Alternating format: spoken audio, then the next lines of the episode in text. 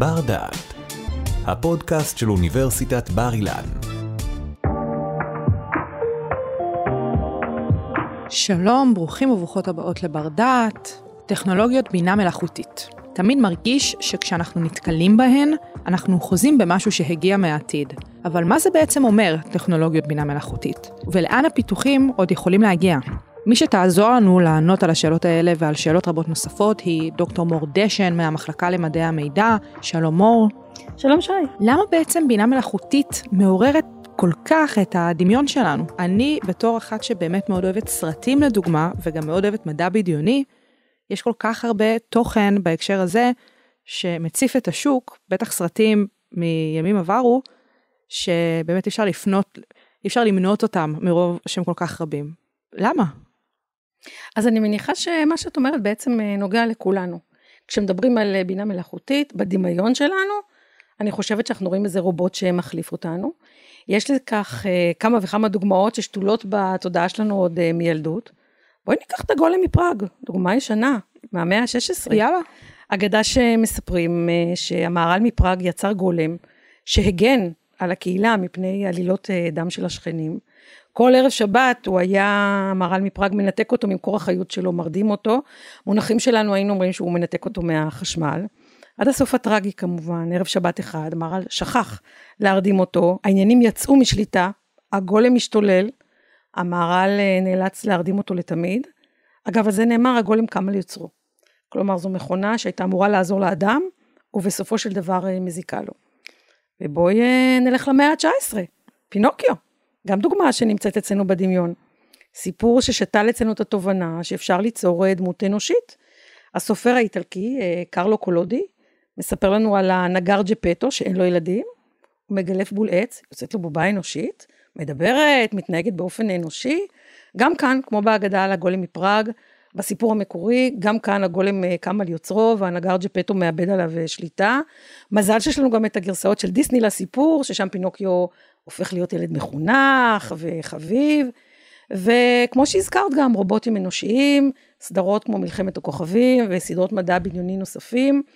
כשאנחנו שומעים שמדברים על בינה מלאכותית, אני חושבת שזה סוג הסיפורים שאנחנו אה, מדמיינים.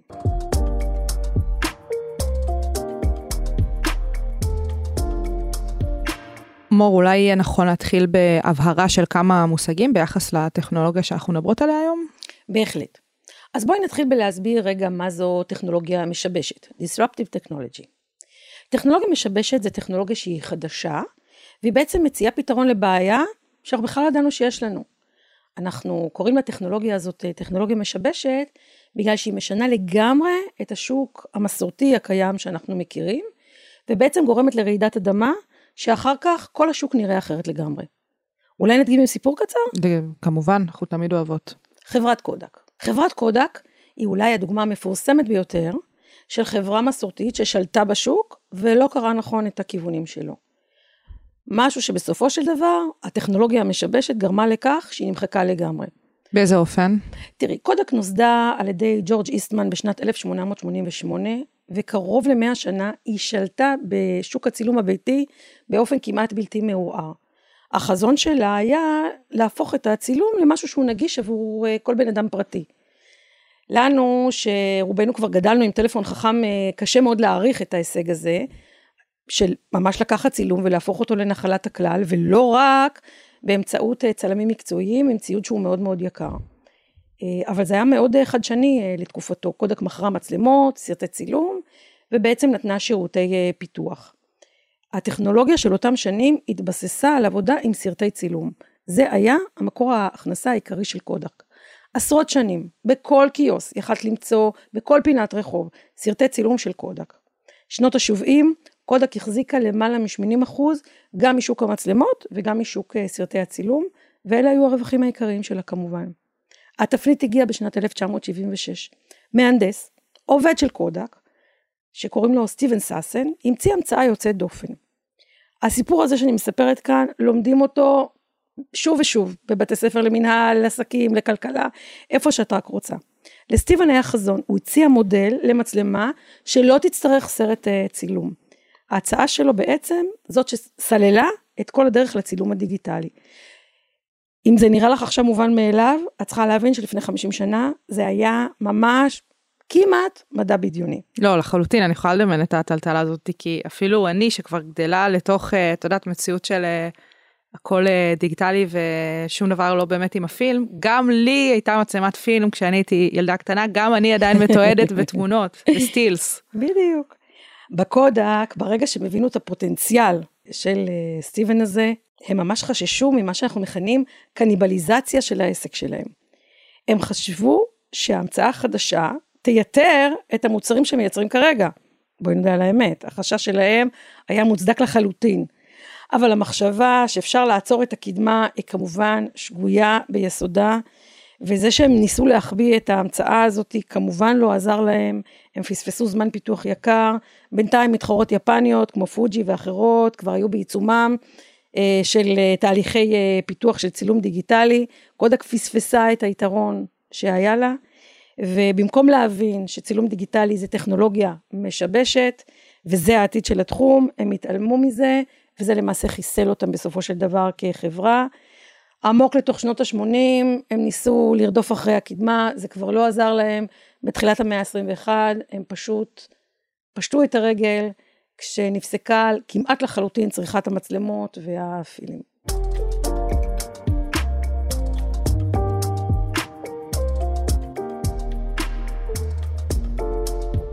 אז תודה רבה לקודק, שבאמצעותם הצלחנו להבין ככה פחות או יותר מה זה אומר העניין הזה של אה, טכנולוגיה משבשת, אבל האם יש איזושהי הגדרה מוסכמת למה זה באמת אומר? אז את המונח עצמו, טכנולוגיה משבשת או חדשנות משבשת, אה, טבע פרופסור קליינטון אה, קריסטנסן מאוניברסיטת הרווארד, וכמו שאמרתי קודם, היא מדברת על יצירת שוק חדש שלא היה בכלל לפני כן, ושגורם לזה שהחברות מסורתיות שלא מבינות מספיק בזמן לאן העסק הולך, מוצאות את עצמם לגמרי אה, מחוץ אה, למשחק. קריסטנסן כתב אה, ספר מפורסם שממש הקדים את זמנו, הגרסה הראשונה שלו פורסמה לפני שנת 2000, שזה עוד לפני שסרגי ברין ולארי פייג' המציאו את אה, גוגל, ולפני שמרק צוקרברג המציא את פייסבוק, ולפני שיוטיוב אה, עלתה לאוויר. וכל אחת מהחברות האלה ביודעים או שלא ביודעים בעצם הלכה בעקבות הספר של קריסטנסן. לספר קוראים דילמת החדשן, שטכנולוגיות חדשות גורמות לחברות אדירות ליפול, או באנגלית The Innovator's Dilemma, when new technologies cause great firms to fail, ובספר קריסטנסן מתאר ממש איך חברות מסורתיות ענקיות ששולטות בשוק משקיעות בחדשנות משמרת ולא משבשת כדי לשמור על נתח השוק שלהם ולטייב את המוצרים שלהם, ומתעלמות מכניסה של טכנולוגיה משבשת. זאת בעצם ביקורת שהוא מעביר במובן מסוים. כן, הוא במידה מסוימת אה, ראה את העתיד. כי לפני שנות 2000, זה עוד לפני קריסת בועת הדוט קום, ולפני שראינו אה, תהליכים כאלה ממש אה, לנגד אה, עינינו. אה, אם אנחנו רגע רוצים להסביר או להמחיש את ההבדל בין חדשנות משבשת לחדשנות משמרת, אז אנחנו יכולים לומר שהמצאת האייפון נכנסת לקטגוריה של חדשנות משבשת, כי היא המציאה אה, שוק חדש לגמרי שאף אחד לפני סטיב ג'ובס בכלל לא הבין שיש לו היתכנות, אבל דגמים אה, נוספים שיוצאים של אייפון או של טלפונים חכמים אחרים, הם בסך הכל חדשנות משמרת, כי הם בסך הכל מרחיבים ומשפרים את הנתח השוק הקיים. באותו אופן אפשר להתייחס למערכת ההפעלה הראשונה של ביל גייטס, הווינדוס של מייקרוסופט, שהמערכת ההפעלה הראשונה, הגרסה הראשונה הייתה חדשנות משבשת, משהו חדש לגמרי שהנגיש לנו את העבודה מול המחשבים האישיים, אבל הגרסאות הרבות שיצאו מאז הם בסך הכל חדשנות משמרת, שבאמצעותם ווינדוס עושה הכל כדי להמשיך ולשמור על נתח השוק שיש לה, והיא כבר לא משנה את השוק אה, באופן מהותי. יש איזה מאפיין לאותן חברות של טכנולוגיה משבשת? מקובל לחשוב שהן צומחות באופן מאוד מהיר, מגיעות מאוד מהר לחברת אה, מה שקוראים אה, חד קרן, unicorn, חברה ייחודית שצומחת מהר ומגיעה לשווי של מעל מיליארד דולר. ואת כל ההקדמה הזאת אנחנו עשינו כדי להגיד לענקיות הטכנולוגיה של העשור הקודם, גוגל, אפל, מייקרוסופט, פייסבוק, אמזון וכדומה, שימו לב. ברגעים אלה ממש נכנסות טכנולוגיות חדשות, שייתכן שהן טכנולוגיות משבשות, שעלולות להוציא אתכם מהמשחק, אל תרדמו בשמירה.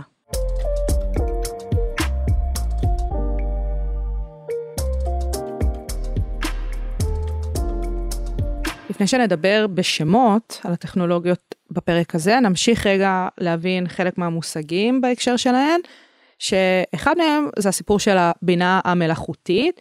דיברנו על זה בחלק מהפרקים שלנו בסדרה של ענקיות הטכנולוגיה, אבל בוא רגע נעשה את האישור הקו למען מאזיננו בפרק הנוכחי. אז המושג בינה מלאכותית הוא לא מושג חדש, הוא כבר uh, הוזכר בראשונה uh, בשנות החמישים של המאה שעברה, של המאה העשרים, אבל בעשר השנים האחרונות, עם ההתפתחות של הטכנולוגיה, העיסוק בנושא גבוה במיוחד. בינה מלאכותית או אינטליגנציה מלאכותית, באנגלית AI, artificial intelligence, זה שם כולל לתהליכים קוגניטיביים שבעצם מכונות יכולות לבצע. מכונות או תוכנות שבעצם מחליפות אנשים, מבצעות פעולות שבעינינו נחשבות אה, אנושיות. למשל להסיק מסקנות, להבין סיטואציה, בעצם איזשהו ניסיון לדמות את המחשבה של האדם האנושי. להבדיל משימוש במכונות כדי לבצע אוטומציה לפעולות מונוטוניות שחוזרות על עצמם, כאן בעצם עם האינטליגנציה המלאכותית אנחנו מבקשים לפתור בעיות שהמוח האנושי לא מצליח לפתור, או שיש קושי גדול אה, בפתרון בגלל שזה דורש יכולות חישוביות גבוהות, אה, עלולים לטעות בדרך, או אפילו אה, להתעייף. אם אני רגע מנסה להגיד מה היתרון מאוד מאוד בקצרה, אז בעצם אנחנו מצפים שבאמצעות בינה מלאכותית נוכל לפתור בעיות של העולם שהאדם עם היכולת החשיבה שלו לא יכול אה, בעצם אה, לפתור. זה כמובן חזון אה, די רחוק. החיסרון אולי זה שמחשבים ממש יחליפו בני אדם, אולי אפילו ייקחו מהם את העבודה, דבר שאנחנו רואים כבר עם תהליכי אוטומציה מואצים. ומפעם לפעם מתפרסמות רשימות של מקצועות שיוחלפו על ידי תוכנות כאלה ואחרות. התאמת שוק העבודה לטכנולוגיה המתפתחת ברמה הזאת. בדיוק. אנחנו בעצם מבחינים אה, בין בינה מלאכותית צרה או חלשה, לבין בינה מלאכותית כללית, חזקה. אז בואו רגע ניתן דוגמאות לבינה מלאכותית חלשה או צרה, שהיא weak או narrow AI. אגב, זה שקוראים לה חלשה או צרה לא אומר שלא מדובר בחדשנות גדולה אה, מאוד. שהיא לא עושה צעד משמעותי. נכון, המשמעות היא שהיא מתמקדת בתחום ספציפי. בואי ניתן אה, דוגמה, למשל מכונות אוטונומיות, אוקיי? זה תחום ספציפי. יש כאן אה, סיכוי לטכנולוגיה משבשת שתשנה את שוק המכוניות וגם את תחום מקצועות הנהיגה בכלל ונהגי מוניות בפרט, באופן שלא נכיר אותו בכלל, זה תחום ספציפי. כלומר, בינה מלאכותית צרה מציעה פתרון לבעיה עכשווית ו, אה, וספציפית. אפשר לתת אה, דוגמאות רבות נוספות, אה, אולי אני מניחה שרבים שמעו על התוכנה שמשחקת שחמט, כחול עמוק, תוכנה שניצחה עוד ב-1996 את אלוף העולם בשחמט גרי קספורוב, ויש גם דוגמאות חדשות יותר. צ'טבוטים, תוכנות שמתכתבות, אם תיכנסי לאתר אגב של אוניברסיטת בר אילן, משמאל למעלה תראי איזה אייקון קטן שמזכיר את וואטסאפ, בחירה באייקון תפתח לך שיחה עם הצ'טבוט של אוניברסיטת בר אילן. עוזרים קוליים כמו סירי של אפל, העוזר של גוגל, אלכסה של אמזון, שהם מזהים דיבור, הם מדברים בעצמם, הם מתוכנתים לענות על שאלות במגוון תחומים, אמנם מוגבל, אמנם אה, מאוד אה, מוגדר, מזג אוויר, שעה, את יכולה דרכם לנהל את הבית החכם שלך, לחייג בטלפון, וגם הזכרנו לא מכבר שאלגוריתמים של גוגל, של פייסבוק, של נטפליקס, משלבים אה, מרכיבים של אה, אינטליגנציה מלאכותית. מדובר במערכות שלומדות את המשתמשים ומתאימות להם אה, אה, פתרונות. תכף נדבר על דל אי. זה אחת הטכנולוגיות שבאמת נרחיב עליה. כן, שזה כלי חדשני שאני חושבת שהוא דוגמה של חדשנות משבשת, אה, שמיישמת בינה מלאכותית צרה בתחום של אומנות אה, וגרפיקה. מה הסוג השני של הטכנולוגיית אה, בינה מלאכותית? הסוג השני הוא בינה מלאכותית אה, כללית, General AI. או strong חזקה, שהיא מסוגלת להחליף, אה, או אמורה להיות מסוגלת, להחליף אה, אנשים במגוון תחומים ולא במגוון אה, ספציפי. היא כבר מתיימרת לפתור בעיות עתידיות שלא הוגדרו מראש, היא דורשת כוח עיבוד גבוה מאוד של המחשבים, צריכה גבוהה של חשמל וזיכרון. ההשראה אה, לבינה המלאכותית הכללית מגיעה ממבחן טיורינג. אלן טיורינג הוא מדען מלונדון עם סיפור חיים אה, טרגי, היה פעיל במחצית הראשונה של המאה ועשרים, מראשוני המדענים של מדעי המחשב. אנחנו מכירים לו טובה על זה שהוא היה שותף בפיצוח האניגמה, שזה הצופן, המכונה שיצרה קוד להודעות מוצפנות צבאיות של הנאצים במלחמת העולם השנייה. ישב בבלצ'לי פארק, פעילות שהפיצוח הזה תרם בין השאר לניצחון של בעלות הברית. מיד אחרי מלחמת העולם השנייה, מאמר בשנת 1950 בכתב העת Mind, מאמר עם קרוב ל-20 אלף ציטוטים, מציג את מה שמכונה לימים מבחן טיורינג, ובעצם אלן טיורינג מציג קריטריונים או הצעה לאיך באמת יכולה להיראות שיחה עם מכונה שמתחזה לאדם ומצליחה בעצם להתל בנו, ואנחנו חושבים שאנחנו מדברים עם אדם ולא עם, ולא עם בוט. ובעצם אנחנו בוחנים את התוכנה על פי היכולת שלה לדבר עם בני אדם בשפה טבעית. המונח המקצועי של זה הוא עיבוד שפה טבעית, או בקיצור NLP, Natural Language Programming. התחום של הבינה המלאכותית הכללית, מטבע הדברים הוא הרבה יותר קשה ליישום מאשר הבינה המלאכותית הצרה. תכף נדבר על צ'אט GPT, שזה כלי חדשני, שעוד פעם למיטב הבנתי דוגמה של חדשנות משבשת, שמיישמת בינה מלאכותית רחבה ועיבוד שפה טבעית באופן שלא היה עד היום פתוח לציבור הרחב.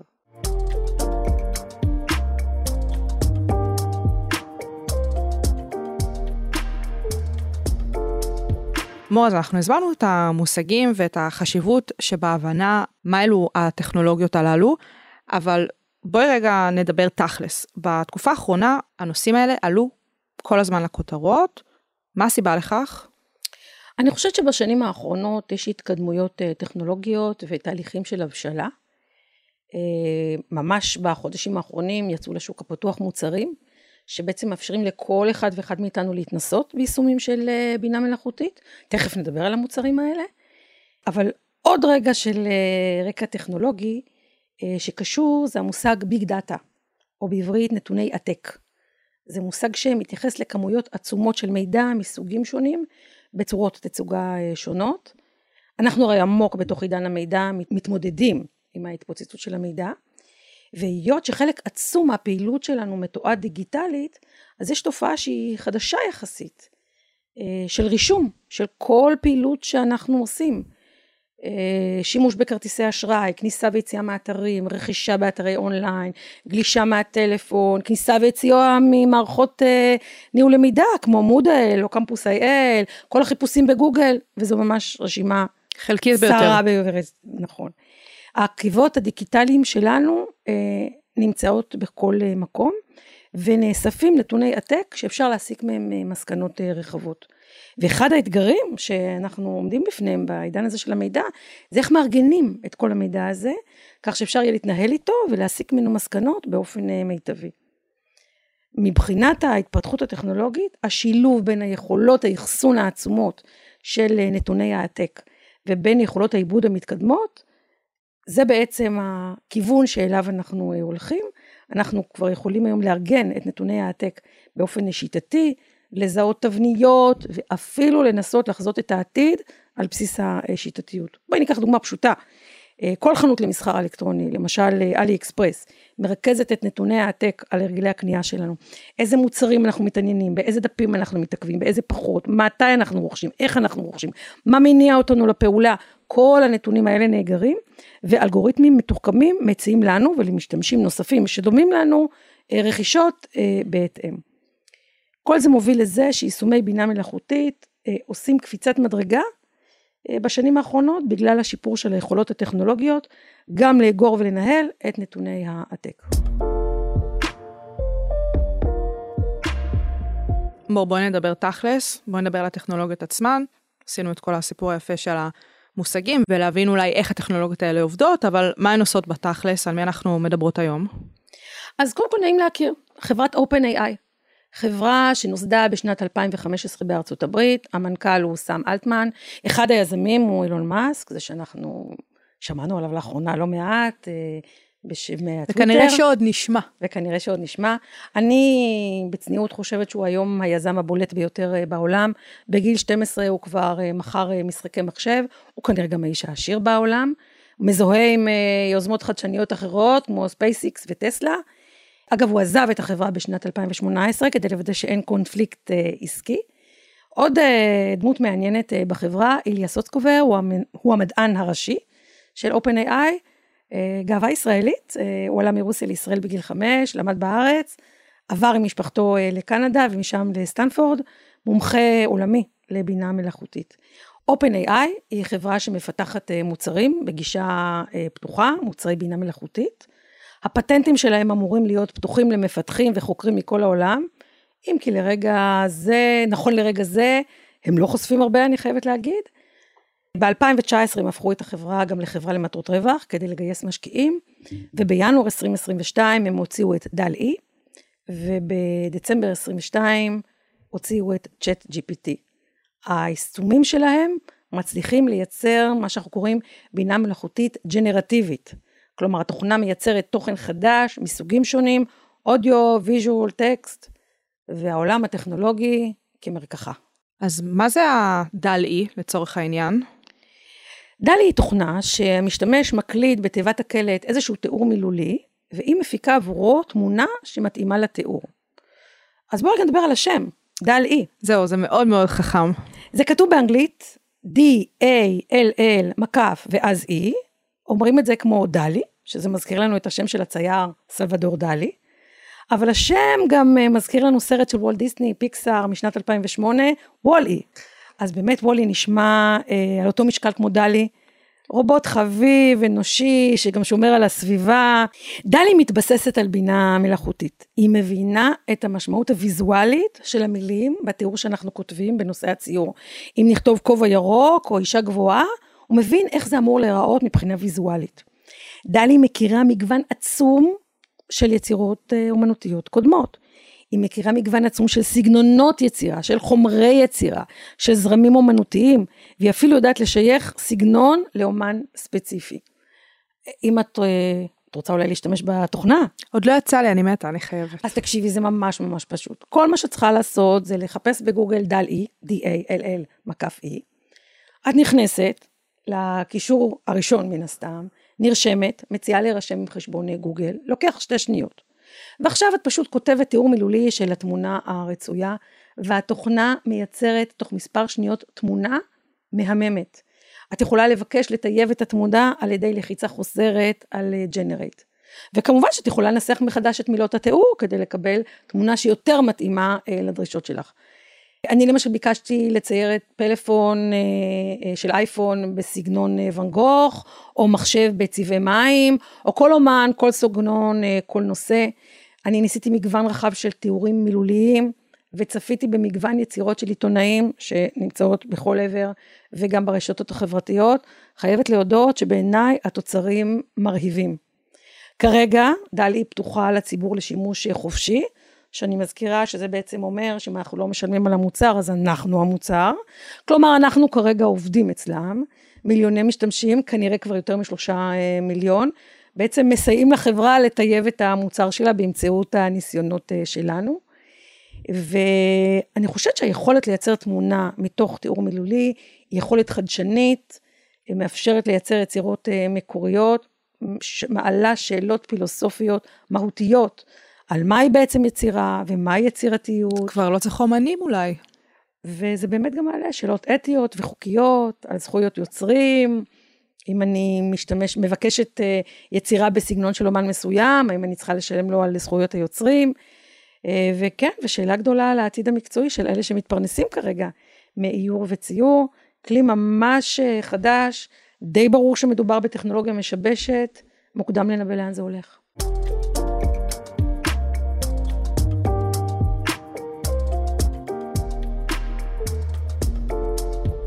עד כאן הסיפור של הדל-אי, אבל הטכנולוגיה הנוספת היא לא כל כך ציורית, היא גם מדהימה ומרתקת, שזה אותו צ'אט GPT, מה קורה שם? צ'אט GPT אה, פרצה לחיינו בחודשים האחרונים של 2022, צ'אט כי הוא מנהל אה, שיחה, אה, GPT זה קיצור של Generative Pre-Trained Transformator, ובעברית פשוטה מדובר על שנאי או טרנספורמטור שמאומן לייצר איתנו שיחה. אה, מי שקיווה לדבר איתו בעברית, אני כבר אומרת, עברית קלוקלת, לא איזה משהו אה, מיוחד, לא ממליצה. יש לטכנולוגיה עוד לאן להתפתח גם בתחום ממש הזה. ממש כן. אז, אז אנגלית. אז אנגלית. אז גם פה מחפשים בגוגל צ'אט GPT, נכנסים, נרשמים עם החשבון אה, גוגל שלנו. אנחנו מקלידים שאילתה באנגלית עם בקשה למידע על כל תחום שהוא, מתקבלת תשובה ארוכה, בדרך כלל עם הסברים מפורטים, ניסוח רהוט, שפה תקינה, סינתזה של מקורות מידע שונים, אה, באמת מרשים. מבחינה טכנולוגית יש פה תהליך של למידת מכונה, הוא פותר בעיות על בסיס מאגר עצום של פתרונות שכבר יש לו, מיישם מודל של NLP שדיברנו עליו, של עיבוד אה, שפה טבעית, והיות שכרגע הוא פתוח וכמיליון, או לפחות מיליון כבר, אה, משתמשים מריצים עליו שאילתות, אז בעצם גם כאן אנחנו עובדים באופן IE ועוזרים להם לפתח את הכלי, שמחים על תרומתנו. אה, אגב, אין לו שום מושג, נכון לעכשיו, לגבי מידע עכשווי, הוא לא מחובר לאינטרנט, הוא מעודכן רק עד לסוף שנת 2021, ולא עונה על שאלות אקטואליות. צריך להגיד שפה זה מגיע לעניין שבעצם השם בינה מלאכותית אה, קצת מטעה, כי אנחנו חושבים שהוא מבין מה הוא אומר, כי יש פה איזה סוג של שיח טבעי, אבל בעצם יש פה מודלים סטטיסטיים שמקבלים החלטה אה, מה לרשום. וגם צ'אט GPT כבר מעלה שאלות אתיות. כי למשל בתחומים מדעיים, כמו פתירת משוואות, כתיבת קוד וכדומה, הוא מאוד מאוד מדויק. אבל ברגע שאנחנו מגיעים לנושאים מורכבים יותר, הוא מנסה אמנם להימנע מקונפליקטים, הוא לא נגרר לשיח פוגעני, הוא מדבר בשפה של פוליטיקלי קורקט, אה, תקינות פוליטית, בכל שלב הוא כותב בנימוס, שהוא מקווה שהוא היה לנו לעזר וכדומה. אגב, אנחנו גם כבר מוצפים בכתבות שעיתונאים מתרברבים בזה שהפסקה כבר לא נכתבה על ידיהם, אה, על ידי צ'אט אה, GPT. כן, אבל... זה קצת מעייף העניין הזה, אבל בסדר. כן. אבל זה באמת מתחיל לשאול שאלות, מה זה אומר על העתיד של מקצוע עיתונות, על עבודת המדענים, על העולם האקדמי. זהו, ממש אפשר לכתוב עבודות אקדמיות דרך העניין הזה. לגמרי. אני בהחלט אה, מתכוונת את כל העבודות של הסטודנטים שלי שאני הולכת לבדוק מעכשיו ואילך, אה, ללכת אה, לבדוק אותם במקביל בצ'אט GPT כדי לוודא מה היה מקור המידע שהוגש לי. אל תתני להם להאזין לפרק הזה, אולי כדאי שלא. בהחלט. ויש פה סכנה אמיתית לפייק ניוז, להפצת שטויות. הכתיבה שלו אגב מאוד מאוד משכנעת, ואין לו שום בעיה לטעון בלהט דברים שהם לאדם לא היו דברים אה, מעולם. היה עובר את מבחן טיורינג? אני חושבת uh, שכן, אבל uh, יש תחרות uh, עולמית, אז אנחנו נחכה ונראה אם הוא יעבור. צריך להזכיר, אם מדברים על סוגיות אתיות, שכמו טכנולוגיות חזקות אחרות, השלכה משמעותית על איכות הסביבה, דורש כמויות עצומות של חשמל ויכולות זיכרון, ושזה כמובן משמעויות על איכות הסביבה.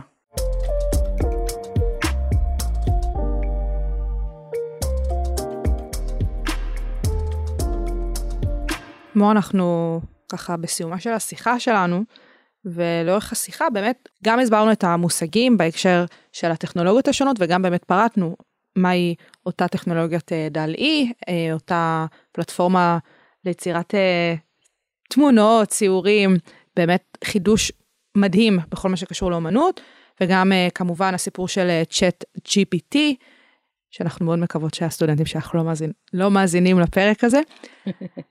ועדיין, מה שמדהים בכל השיחה הזאת ובטכנולוגיות האלה, זה שזה נורא מרגיש כאילו העתיד כבר כאן. וגם הראינו איך מאז ומתמיד אנשים חזו את העניין הזה של אותו גולם.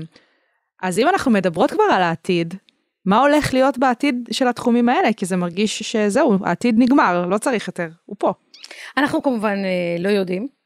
זה נראה כאילו אנחנו עומדים בפני טכנולוגיה משבשת, שאחריה שום דבר כבר לא יהיה אותו הדבר, אבל כמובן שאנחנו לא יודעים את זה בוודאות, ונצטרך לחכות אה, עוד זמן מה, ולהסתכל אחורה כדי לראות אה, האומנם.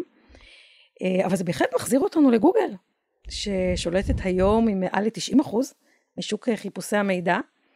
אני בשבועות האחרונים ביצעתי אין ספור חיפושים במקביל, בגוגל במסך, בחלון אחד, ובצ'אט GPT בחלון השני. ובנושאים אקטואליים עכשוויים, נכון, לעכשיו אין תחרות, צ'אט GPT בכלל לא מתמודדת. בנושאי תכנות, מדעים מדויקים, צ'אט GPT בעיניי לוקחת בהליכה. גם בידע כללי, במגוון רחב מאוד של נושאים, צ'אט GPT נותנת תוצאות מאורגנות וברורות. והכניסה של צ'אט GPT היא חד משמעית מכה נוספת לגוגל, שכבר ספגה מכה מהרגלי הגלישה של הצעירים אה, בטיק טוק. ואני חושבת שרובנו נעדיף לקבל מידע מסוכם ומסודר מצ'אט GTP ולא רשימת קישורים בגוגל. גוגל בוודאי כבר תצביע על החיסרון בצ'אט GPT, שאין לנו בעצם מושג מה המקורות של המידע, ואולי הכל בכלל פייק ניוז. זה נכון, אבל זה גם קורה לנו עם גוגל, גם זה אנחנו צריכים לזכור. וחוץ מזה שאנחנו ממש ממש בתחילת הדרך, אז מן הסתם הכלי הזה עוד יתפתח ויגיע אה, להישגים אה, נוספים שאנחנו עדיין לא רואים אותם. גוגל אמנם דיווחה לא מכבר שיש לה גם אה, כלי של בינה מלאכותית בשם למדה. אני לא מכירה אותו, הוא לא פתוח להמונים, יכול להיות שגוגל לא חשפה אותו כי היא חששה שהוא יפגע במודל העסקי שלה, של הפרסומות. יכול להיות שגוגל לא למדה את הלקח המפורסם של חברת קודק, שאם יש לך טכנולוגיה טובה, אתה לא יכול להחביא אותה. אה, אנחנו הרי כבר יודעים שזה לא עוזר. אה, ראיתי שהניו יורק טיימס דיווחו עכשיו שהמטה של גוגל בהיסטריה מהיציאה של הצ'אט אה, GPT, אז לא נותר לנו אלא לחכות ולראות אם באמת נפתח כאן עידן חדש בכל מה שקשור לחיפוש עיבוד והצגה של מידע, ואם גוגל תשתלב במהפכה הזו, תוביל אותו, או תישאר מאחור, ימים יגידו. זה פשוט פלא, כל הטכנולוגיות האלה זה פלא, וכמו שאת אומרת, פשוט לשבת בסבלנות ולחכות לראות אה, מה יוליד יום, וכמובן גם שפשוט נחזיק אצבעות שלא יהיו יותר מדי נפגעים בדרך, כי כן יש סכנות, אי אלו סכנות עם הטכנולוגיות האלה. סכנות בהחלט יש, ונצטרך ללמוד להתמודד איתן. דוקטור מור דשן מהמחלקה למדעי המידע, המון המון תודה. תודה לך שי. אתם מוזמנים להמשיך להאזין לפרקים נוספים בסדרת ענקיות הטכנולוגיה, לפרקים על אמזון, נטפליקס, ויקיפדיה, גוגל, למידה באמצעות הרשתות החברתיות, טיק טוק, בינה מלאכותית והמטאוורס, כל אלו זמינים לכם באפליקציית בר דעת ובאפליקציות הפודקאסטים השונות. תודה שהאזנתם לבר דעת, אפליקציית הפודקאסטים של בר אילן. אנו מקווים שנהנתם, החכמתם ולמדתם משהו חדש. עוד הרבה פודקאסטים מעניינים מחכים לכם באפליקציה, אז המשיכו להאזין לנו. בר אילן, משפיעים על המחר, היום.